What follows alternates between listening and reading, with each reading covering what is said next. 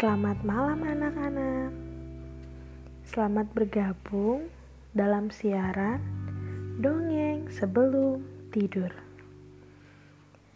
Sebelum mendengarkan dongeng, Ibu mau tanya, apakah anak-anak sudah gosok gigi? Wah, hebat, sudah gosok gigi. Bagi yang belum, jangan lupa untuk gosok gigi ya. Nah, sekarang waktunya kita untuk dongeng sebelum tidur.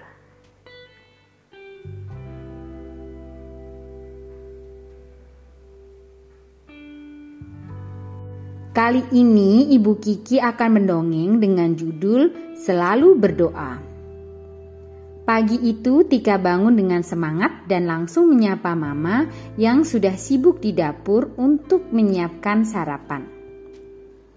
Selamat pagi Mama. Selamat pagi Tika. Wah, anak Mama sudah bangun. Semangat sekali pagi ini. Tentu dong, Ma. Tika kan mau presentasi. Mama papa datang ke sekolah kan? Iya sayang. Asik, papa sudah bangun mah. Sudah, papa sedang mandi. Sekarang Tika mandi dulu ya.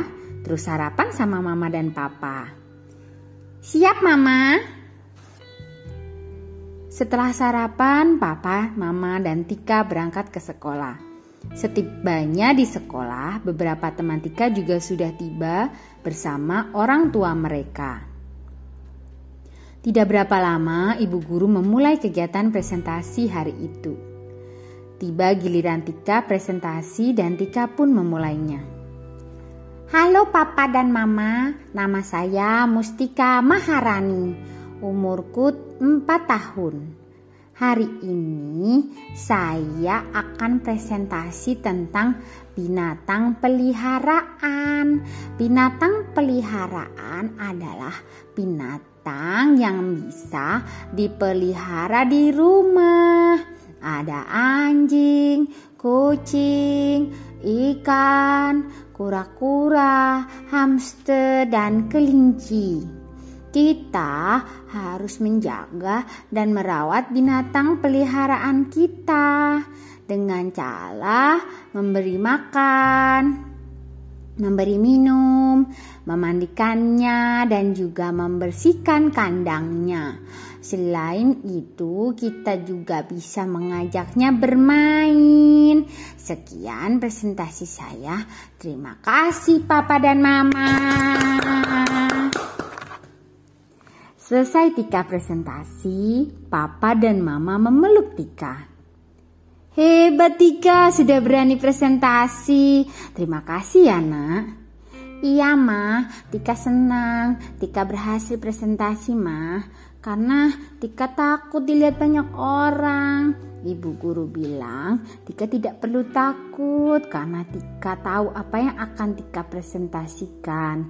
Tika juga sudah berlatih dan juga berdoa pada Tuhan. Iya sayang betul kata ibu guru. Kita harus selalu berdoa. Setelah selesai presentasi dan Tika berhasil melewatinya, Tika juga harus berdoa mengucap syukur pada Tuhan. Iya mah, karena Tuhan Yesus Tika jadi lebih berani.